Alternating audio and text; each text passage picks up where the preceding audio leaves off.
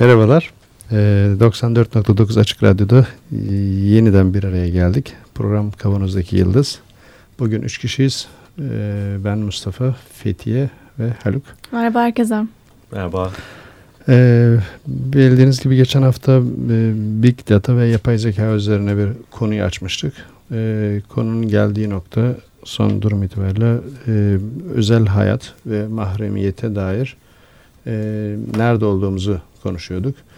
Ee, en vurgulayıcı kısmı, en can alıcı kısmı sürecin şuydu. Bu Big Data aslında bizim kullandığımız her türlü sosyal medya ve akıllı cihazlarla hem bir taraftan veri sağladığımız bir alan olarak kendimizi e, bu sürecin bir nesnesi haline getiriyorduk. Hem de bu verilerin devamında bu veriler toplanıp işlenip değerlendirildikten sonra tekrar bize satış amaçlı veya başka amaçlı tekrar kullanıcılarına döndüğü bir sürecin içinde olduğumuzu konuşuyorduk. İşte tam bu noktada da acaba e, bu bizim bilerek veya bilmeyerek izin verdiğimiz ve bizim alanımıza, özel hayatımıza girdikleri e, bir e, işte veri alanına istemeden veya işte bilerek veya gönüllü gönülsüz bunun tanımları ayrıca yapılabilir. E, veri sağlıyoruz. Şimdi burada mahremiyetle ilgili bir alan açılıyordu ve Haluk burada bize birkaç tane kitaptan bahsetmişti. Alalım mı tekrar Çok kısacık, o kitapları? E, evet oradan biz hala topu yani atalım. Bir, bir, bir tanesi mahremiyet diye dijital toplumda özel hayat. Eirik Lokke Koç Üniversitesi yayınları Norveççeden çevrilmiş bir Norveçlinin yazdığı bir kitap. Çok hoş bir kitap. Ee, küçük kompakt konuya giriş içinde kolay okuma, okunabilen iyi bir kitap. Koç Üniversitesi'nin iyi bir serisi var bu konuda. Evet Sanıyorum. ben Çok Koç Üniversitesi'nin bütün kitaplarını aldım evet. diyebilirim yani. Çünkü e, en, benim ilgilendiğim konularda iktisat kitapları falan da çok e, hoş. E, alternatif görüşleri genellikle kapsıyor. Yani ana akımın dışında kalan şeyleri Doğru. yapıyor. Biliyorsunuz burada uzun uzun konuştuğumuz dört gelecekte e, Koç Üniversitesi yayınlarından çıkmıştı ve büyük bir süratle yani bu da 2017'de yayınlanmış. Evet, Orijinali evet. 2018'de hemen Onu söylemek çevirisini yayınlamışlar. Dünyayla çok yakın zamanda. Çok yakın evet çok başarılı. Bir tek e, şeyden eleştirmiştik yani bu e, kitapların e, tanınırlığını evet. e, artıracak faaliyetleri Doğru. eksik. Doğru. Yani onu bir üniversite desteği var üstelik arkalarında. Ama kısıtlı bir bütçeyle ee, çalışıyor ekipler. Belki e, ondan. Yani ben birçok bir başka üniversite desteğini tabii, düşünürsek yani birçok başka desteğini. kuruma a, göre çok büyük avantajları olur. Yani bunun sonuçta ne olacak? Mesela o Çinli bebek doğduğunda o yaratılıştaki çatlak kitabı yani ben e, etrafta kime sorduysam hiç kimse ben bunu gördüm işte baktım, elime aldım, okudum, duydum. Öyle mi? Hiçbir şey demiyorum. Hep hep ben tanıdım ve ben bir sürü sattım aslında diye tahmin Orada ediyorum. Fahri olarak ee, ama işte çalışan hadi Çin'de, Çin Koç Üniversitesi yayınları Yayınlarına. E, Dört Gelecek de öyle. Dört Gelecek iki Doğru. üç baskı yaptı ama hiç herhangi bir yerde onunla ilgili bir tanıtım gördünüz mü? Yok. Evet. Büyük ihtimalle biz daha fazla tanıtım yaptık. Ama bizim aldığımız kitapçıda kalmamıştı onu biliyoruz. Evet. Çünkü, ben, çünkü dört tanedir biz almışızdır muhtemelen onları. Ben e, derste kullandım. Orada kullandım. Burada her yere aldırdım. İşte bir sürü insana şey yaptım falan. Bu konuda ee, feryat ee, ediyoruz. Evet. O, Lütfen ama mesela o duyun. şey e, işte Çinli bebekler doğduğunda tam da işte CRISPR teknolojisi yani CRISPR teknolojisini geliştiren kadının yazdığı kitabı zaten Türkçe çevirmişsin onu bulmuş şahane bir iş yapılmış. Orada hemen e, milletin ilgisi, basının ilgisi falan oradayken bir panel yapılsa, bir bilmem ne yapılsa o kitap ikinci ha, baskıyı yapar Kitabın yani. etrafındaki bir evet. etkinlikten bahsediyorsun. Tabii, tabii. Boğaziçi Üniversitesi yayınları bunu yapıyor. Yani ee, belki koç da yapıyor bilmiyorum. Bir, Biz izlemiyoruz. Bir konu bir yazar ama. diye böyle bir sohbet programları hmm. başlatıyor. Yeni kitabı çıkmış akademisyenleri davet ediyor. Evet. Bir etkinlik yani yapıyor bu, ona göre. Bu, bu, bu açıdan belki biraz gözden geçirmeleri gerekir yayın e, politikalarını. Deyip, Peki. Dijital dünyada yapsak, dijital dünyada mahremiyete geldik. Mahremiyete gelelim şimdi. E, Valla geçen defa şeyde kalmıştık herhalde. bu yeni feodalizm tartışmalarına bağlamıştım bir yerde. Evet, evet benim e, ee, meraklı dinleyicilerim buradan sonra ne geleceğini özellikle ne sordular. Neo hatta bana nasıl olabilir? E, neo feodalizm diye de bana düzeltme yaptı. Hani bunun ismi bu olsa gerek diye bunun gerisinden Sen ne geleceğini. Demiştin? Yeni yeni demişti. Yeni feodalizm. Evet. O da neo diye bana sordu. Yani belli ki o da bunun bununla ilgili takip, e, takip eden birisi Şimdi, ve o tabii şuradan kaynak. bilgi almak istiyor. Yani bu biraz e, e, özel hayatın gizliliğini sağlamak için ya da işte insanlar tabii yani geçen defa değindiğimiz ama bazı noktalardan açık kalan yerler de var. Onları da belki e, toparlamak lazım ki onun e, ne demek istediğimi e, anlatabileyim ya da daha rahat ifade edebileyim. E, bir bu e, nesnelerin internetinden e, bahsetmek gerekiyor değil mi? Nesnelerin internet mesela Samsung'un e, CEO'su 2015'te mi 16'da mı ne şey demişti 5 ee, yıl içinde Samsung'un bütün ürettiği aletler birbiriyle konuşuyor olacak. Yani, çok iddialı. Kaç sene söylemişti? Yani önümüz, konuşmuyor. Bu süremiz var mı? önümüzdeki yıl büyük ihtimal e, ya da 2020-2021 gibi bu işin tamamlanması. Peki şimdi Haluk e, o, o birbiriyle konuşması ne demek tam ne demek? olarak? Benim Şu gibi demek bir... aslında birbiriyle konuşması demek değil, şirketle için. konuşması demek hepsi. Oh. Yani bir bulutta şimdi, toplanacak her şey. Tabii bir bulutta toplanacak ve bu bulut bir, bir şirketin kontrolünde olacak.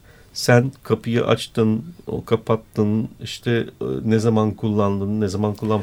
Bu ne sağlıyor şirkete? Aslında Apple yapıyor bunu. Bu çok şey Hepsi değil. yapıyor. Çok üründe yapıyor. Hepsi yapıyor. Ama bu e, sosyal medya üzerinden ya da işte dijital e, ne bileyim internet temelli bir şey üzerinden yapılması yani program üzerinden yapılması başka bir şey evindeki buzdolabı, çamaşır makinesi, elektrik süpürgesi, ondan sonra işte aklına gelebilecek bütün aletler, buz, bütün aletlerin bütün hareketlerinin ve senin o aletleri nasıl kullandığına dair bilginin e, bir merkezde toplanıyormuş beni rahatsız ediyor mesela.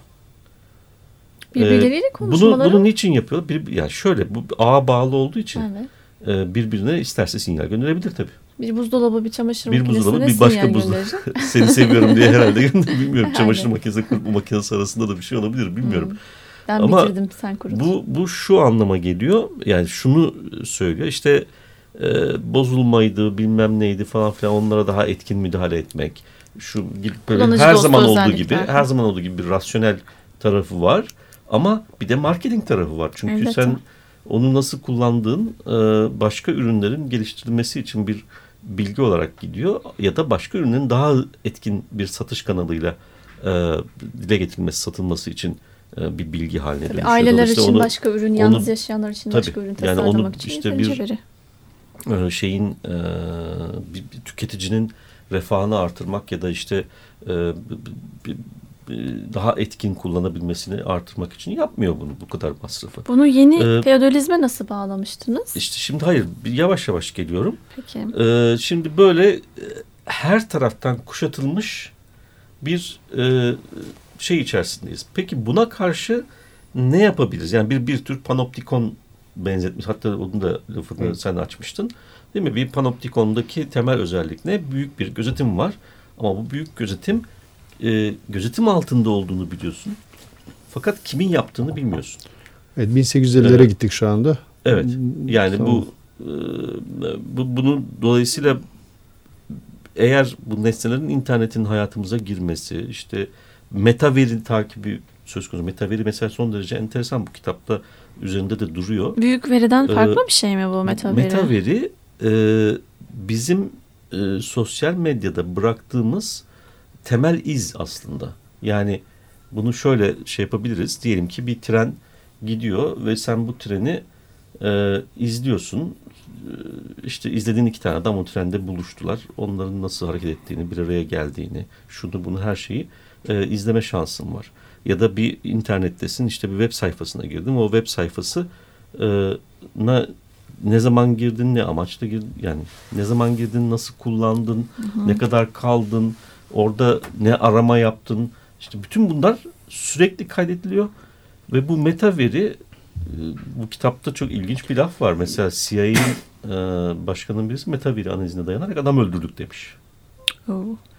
Çünkü e, kiminle ne konuştuğunu belki şey yapmıyorsun, takip etmiyorsun. Çünkü o gerçekten çok zor. E, herkesi o şekilde takip etmek. Ama kimin kiminle nerede ne zaman kesiştiği, ondan sonra başka nereye gittiği, şu bu falan meta veriden geliyor. Dolayısıyla meta veriler e, bir araya gel, gelip de bir analize tabi tutulduğunda bir veri haline dönüşüyor. Hı hı. Yani meta veri aslında verinin üst kaydı, üst veri diye şey yapıyor zaten geçiyor bizde Türkçesi. de. Türkçesinde de.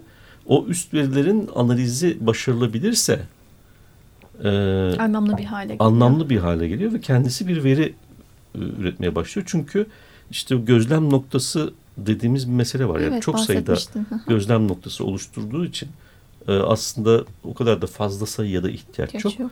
E, yeterli sayıda diyelim gözlem noktası elde ettiği andan itibaren o kişinin davranışını, profilini, ıvırını, zıvırını, kimlerle bir arada olduğunu e, izleme şansı yani var. Yani geçmişini sadece anlamak için değil, sonraki adımlarını da tahmin Takip, edebilmek tahmin için. etmek açısından da şey yapabilir veya network'ünü ortaya çıkartmak açısından da e, şey yapabilir. Şimdi bu bunun sınırsız genişlediği bir ortam düşünün. Çin.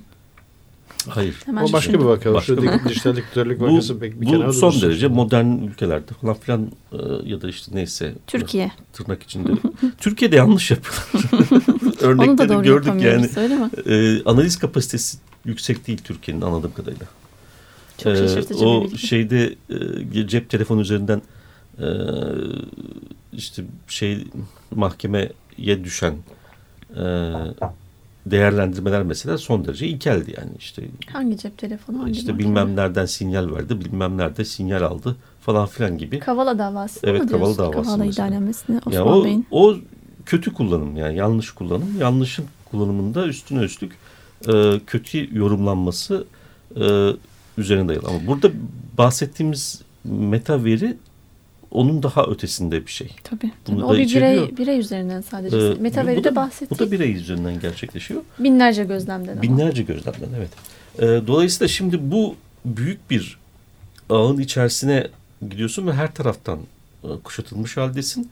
E, burada bir insanın artık herhalde şey kendine izole güvenilir bir duvar araması gerekiyor. Ben oradan şey yapmıştım. O Norveç'te bir ee, dava var. izlenememe konusunda bu e, geçen programda bahsetmiştim. Belki onun, ondan bir e, neydi o? Bir Norveç hükümetine mi bir dava açıyor birisi beni izlemeyin diye. diye. Google'a açılan davalar var. Google'da 300 bin yani Amerika'da açılan bir dava var. Unutulma hakkı. Çünkü o da unutulma hakkı çerçevesinde gerçekleşiyor. O da şöyle bir şey e, bu Google'da yaptığın bütün aramaların kaydını tutuyor işte metaveri gibi şey. Ee, bir Gonzalez davası diye geçiyor yanılmıyorsam. Ee, bunun bir e, şey doğru yani hakikaten işte bir hırsızlık mı öyle bir şey ya da işte bir yolsuz yani bir, bir yasa dışı bir işlem olmuş ve bu gazetelere düşmüş çünkü. Gerçekten öyle bir şey olmuş. Ama aradan uzun yıllar geçtikten sonra artık o cezası çekilmiş bilmem ne falan filan e, bunun aramalarda tekrar tekrar çıkıyor olması e, tabi haliyle muhatabı rahatsız ediyor ve dava açarak bunun silinmesini istiyor. E, bu dava da sonuçlanıyor ve işte davayı kazanıyor e, muhatap Gonzalez Bey. Ve siliniyor. ve siliniyor. Ondan sonra da 300 bin tane başvuru var şeye. Google'a. Ama çok, çok güncel bir haber var 24 Eylül'de Hı. Euronews'ta. Bundan bahsettik mi bilmiyorum ama ben bahsetmedim en azından programda. Ee, Avrupa Adalet Divanı diyor arama motorlarındaki unutulma hakkının sadece Avrupa Birliği üyesi ülkelerde geçerli olduğuna evet. ve Google'ın bunu tüm dünyada uygulamak zorunda olmadığına hükmetti. Evet, çünkü bir mahkemenin alanı kendi hükümranlık alanıyla sınırlı. Yani onun için senin tek Türkiye'de dava açması lazım, Amerika'da dava açmasının bilmem nerede dava açması Nerede açtıysan dav e, e sonuç orayı. E tabii ki. Ama internet öyle bir şey değil. E, ama o yani hayır hukuk mantığını öyle gerektiriyor çünkü. Yani e, Avrupa e, alanında faaliyet gösteren bir mahkemenin aldığı karar orayı bağlıyor. Evet, Uluslararası bir mahkeme değilse ki öyle bir durum yok ya zaten adam kendi ülkesinde lokal bir e, şey yapıyor. Birliğin mahkemesi bu değil mi? Evet. Avrupa Adalet Divanı.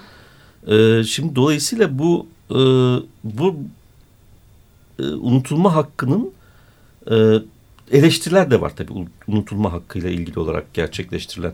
E, yani işte bir e, bir kere e, serbest bilgi akışını ve sonuçta değil mi?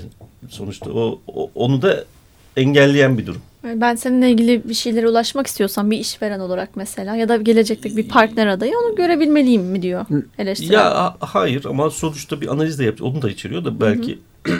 bir analiz yapacaksanız eğer bu bütün herkes bu bilgileri silerse işte biz nasıl analiz yapacağız diyorlar. Bence çok yerli bir eleştiri değil. Yerinde bir eleştiri değil en azından. İkinci eleştiri e, antidemokratik devletlerde aramanın düzenlenmesine ne diyeceğiz? Yani sonuçta şöyle düşün. Bütün güç gücün yoğunlaştığı oligarşik bir yapı söz konusu. Adam bir yolsuzluk yapmış. Onu biliyorsun hop unutturuyor kendisi. Ha. tamam, şimdi Gücü da, elinde tutanların hakkındaki evet, aramaların. Yani bilgini. şimdi her her atılan adımın kararın bir e, olumlu bir de olumsuz tarafı var. Evet Türkiye'de de bu son... şeffaflığı bir anlamıyla e, bu engelleme söz konusu. Yani perdeleme hadi Hı. diyelim elinde bulundurduğu gücü kötüye kullanarak kendine çıkar sağlayan insanların da aynı zamanda perdelenmesine imkan tanıyacak biz, bir şey. Biz bunu yaşıyoruz son yıllarda. Sürekli e, habere eri, evet, erişime erişim engel. Hatta Tabii. engelin haberine erişimi de engelliyor. Böyle bir silsile halinde. Meta engel. Ee, üçüncü olarak da bu şimdi bir, bir takım insan yani bazı şeyler var silinmesi e, üzerinde herkesin hemfikir olabileceği bazı şeyler var şeffaflığı gereği silinmemesi gerekir. Ama bu kararı da birinin vermesi lazım. Bu Doğru. kararı kim verecek? Yapay zeka. Hayır yapay zeka değil tabii. Ee, bu kararı kim verecek? Yani e, çünkü şu normatif olarak e, nasıl hareket edilebileceği formüle edilirse o zaman tamam. Bir programla bunu ederiz. o kurallara uygun o kuralları uygulayan bir programla bunu e, yapabilirsin. O zaman gerçekten birisi böyle fiziki olarak bir insanın bu işe dahil olmasına gerek kalmadan bu iş e, filtreden geçirilerek halledilebilir. Ama o kadar sıradan ee, ve ama siyah beyaz bir mesele değil. değil. Çok çetrefilli. Yani çok o norm, normlar zaman içinde değişiyor. Ee, bir de işte bir yerde belli koşullar altında e, bir sonuç veren normatif yapı başka koşullar Tabii. altında tamamen farklı bir sonuca neden olabilir. Dolayısıyla Doğru. orada bir bir insan yargılaması belki muhakemesi diyelim yani yargılama değil bir insan muhakemesi e, gerekiyor. gerekiyor. Ama bu muhakemeyi yapacak olan kurum ya da insan hangi kurumda çalışıyor olacak? Çalışıyor olacak. Yani bu şirket bu veriyi elinde tutan şirketin içinde mi olacak? Yoksa e, regülasyon kurumu var o, olsun regülasyon kurumun içinde mi olacak? Regülasyon kurumun içinde olacaksa bunlar nasıl baş edecekler? yani binlerce, on binlerce, yüz binlerce örnekten de bahsediyoruz. Dolayısıyla aslında öyle hani unutulma hakkı başlangıçta böyle çok şey geliyor bize. Ee, aa, süper bir şey falan gibi geliyor. Ama bir şey var. E, tartışmalı alanlar var. Yani gri alanlar var.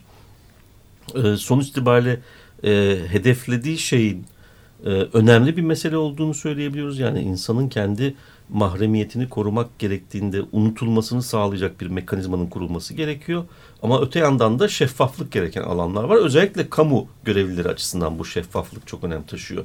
Dolayısıyla bir yerde bir kabahat yaptıysa önemli bir göreve gelirken e, o adamın da ne olduğunu, geçmişinin ne olduğunu bilmem ne falan filan onu takip ediyor olmak isteriz tabii ki. Evet. Yani çünkü kamu görevine kamu gelmek görevi. o anlamda özel hayatın belli ölçülerde de göz önüne e, çıkmasını kabul etmek demek. Yani galiba ee, Türkiye'de sadece ya da, ya da bizim gibi benzer ülkelerde bilişim suçu kapsamında bunlar ele alınıyor e, tabii, değil mi? O kadar. Evet, o kadar. Öyle bir üst mahkeme falan yok. Yok. Ya hayır. da şirketleri denetleyebilen. Yani uzmanlaşmış mahkeme bile neredeyse çok sınırlı yani Türkiye'de var bilişim suçlarıyla uzmanlaşmış evet. mahkeme ama e, yani çok yaygın değil diye düşünüyorum. E, dolayısıyla e, başka bir sistem gerekiyor yani başka bir evet, yapı. Evet yani burası böyle henüz tamamlanmamış bir büyük rahatsızlık konusu. Evet. Yani nasıl çözüleceği hakkında bir fikrimiz yok aslında bakarsan. E, unutulma hakkı iyi bir talep ama sınırları olması gereken bir talep. Bu sınırları kim koyacak, kim kollayacak, kim yürütecek? Oralarda da büyük problemler var. Dolayısıyla henüz e, tartışılması gereken e, bir dizi konu. Şimdi tabii bu e, bu kadar büyük bir gözetim e, kuşatması altında kalınca insan aklına şu geliyor tabii ben nasıl korunacağım burada? Ee, yani şifrelemek gerekecek. O şifreleme meselesi de son derece e, teknik bir konu aslında. E, çünkü bu şifreleme basit bir şifreden değil. Yani sonuçta elektronik izlerin e, şifrelenme, e, görünür olmaktan çıkartılmasından bahsediyor. Şifrelemekten kastımızı bir açalım. E, şifre işte yani. İki kişi arasındaki evet. yazışmaların iki Sadece o şirket işte şimdi o zaten kolay o yapılıyor. Hı. Yani e, iki kişi kendi arasında bir şifreye karar verir. Bu şifre onu e, demiyorum canım o ilkel yöntemi. Mesela birazdan bahsedeceğimiz haber var ya da hı. önümüzdeki hafta e, artık. Söyle. WhatsApp. Yo, yo. Söyleyeyim mi onu? Tamam. Hı. Şimdi bugün okuduğumuz bir haber bu BBC Türkçe üzerinde. Diyor ki Facebook'un sahip olduğu WhatsApp 20 ülkede aralarında gazeteciler, insan hakları aktivistleri, siyasi muhalifler ve diplomatların bulunduğu 1400 kişinin telefonlarını hedef alan siber saldırılar nedeniyle İsrailli casus yazılım şirketi e, NSO gruba dava açtı diyor. E, bu NSO adlı şirket, NSO Grup adlı şirket kullanıcıların telefonlarına sızabilmeleri için ülkelerin istihbarat servislerine yardımcı olmakla suçlanıyormuş. Dava dosyasında 20 tane ülkede bunun kullanıldığı söylüyor. Özellikle Birleşik e, Arap Emirlikleri, Meksika ve Bahreyn'in adı geçiyormuş burada. WhatsApp serverlarına kötücül yazılım yerleştiriyormuş. Ve insanların e, işte şey orada ne konuşuyorlar, ne planlar yapıyorlar onu e, kaydediyormuş ve istihbarat örgütleriyle, devletlerle paylaşıyor bunu. Mesela Cemal Kaşıkçı'nın öldürülmesinde de rolü olduğu konuşuluyor iddialar arasında bu. Bu konuda İsrail ve Kıbrıs'ta bu şirkete dava açılmış. E, diyor ki e, Latin Amerika ve Orta Doğu'daki bir dizi insan hakları ihlalinde de aynı şirket e, suçlanıyor, sorumlu görülüyor. Ama şirket de iddiaları reddetmiş, bir açıklama yapmış. Diyor ki biz e, terör ve ağır suçlarla mücadelede e, devletlere teknolojimizi sağlıyoruz diyor. Binlerce kişinin hayatını kurtardık diyor. Evet. Mesela El Chapo'nun yakalanmasına da katkıda bulunduk. Meksikalı uyuşturucu e, baronu ya da Avrupa'da bir stadyuma düzenlenen düzenlenmesi planlanan bir saldırı engellendi diyor sayemizde. Evet, bu standart zaten. İşte 11 Eylül'den sonra evet. gerekçesi ee, olan terör yani her şey terör de ondan sonra ona göre siyasetler e, üret veya buna benzer teknolojileri yönlendir. Yani şifrelemeye bağlayacak olursak WhatsApp'ta da şifreleme Bu arka kapı var. meselesi ha. var burada. Bu yani bu çözüyor, kötücül yazılım e, sonuçta WhatsApp'a yerleştirmiş ve orada bir e, ortama sızmak, fark edilmeden ortama sızmak üzere bir kapı açma imkanı yaratmış demek. Aslında illegal bir yol. İllegal tabii. Ama bunu yani devlet bu, için Bu şöyle kullanıyor. bir şey diyor. Bir, bir, bir ev, evi düşün. Evin bir anahtarı var sende. Bu anahtarın e, birisi tarafından çoğaltılması ya da arkada balkon kapısından e, girme imkanı yaratılması. Dolayısıyla oraya böyle sen fark etmeden e, birinin girip orada olan bir tane her şeyi kaydetmesi gibi bir şey e, bu arka kapı teknolojisine karşı e, elbette tedbir almak kolay değil. Doğru. Yani bunun için daha e, radikal bir e, düzenleme gerekiyor en azından altyapı e, açısından düzenleme. Onu önümüzdeki hafta konuşalım. Tamam. E, bu IPFS'e kadar varacak bir blockchain, IPFS falan gibi teknolojilere e, gitmek. Bu da mutlak olarak bir koruma sağlamayacaktır ama eninde sonunda e, o arka kapıları sıkı sıkı şey sıkı sıkıya evet kapatma e, imkanı sağlayacak bir şey. E, bu bu tür bir e, arka kapı e, teknolojisinde tabi bu bu şey şeyin e, ma, muhabbetin ya da bağın bağlantının e, bağıntının daha doğrusu içeriğini de e, takip etme imkanı tabii, veriyor. Tabii tabii odaklandıkları bu, bu, şey bu tabii çok, zaten. Evet. Yani normalde işte e, istihbarat örgütlerinin şunun bunun falan yaptığının daha da ötesinde bir şey. Çünkü onlar izlemeyi işte meta veri üzerinden genellikle e, gerçekleştiriyorlar. Dolayısıyla bu insanların birbirlerine ne zaman nerelerde kesiştiklerine e, bakarak şey yapıyorlar. Şirketler açısından da bu meta veri işte kimin ne tür bir kullanım düzenine sahip olduğu ve bunun nasıl yayıldığını e, gösteriyor ve o paternleri ortaya çıkartarak bir şey yapıyor. İşte orada da büyük veri bu analizi şu bu falan. içerik analizine mesela, giriyor ve bu, daha bu, riskli hale geliyor bu, insanlar tabii, için. Bu, bu aleni suç yani zaten. Öteki hani biraz böyle gri alanda kalıyor ama bu aleni suç e, deyip önümüzdeki hafta buna da karşı ne yapacağız? nasıl evet. direnebiliriz? E, onu bir ee, Arka kapıyı nasıl sıkı sıkı kilitleyeceğiz evet. bunu konuşacağız. Ama bir yandan da şu etik meseleyi tartışalım isterim. Bunu söyleyip kapatalım.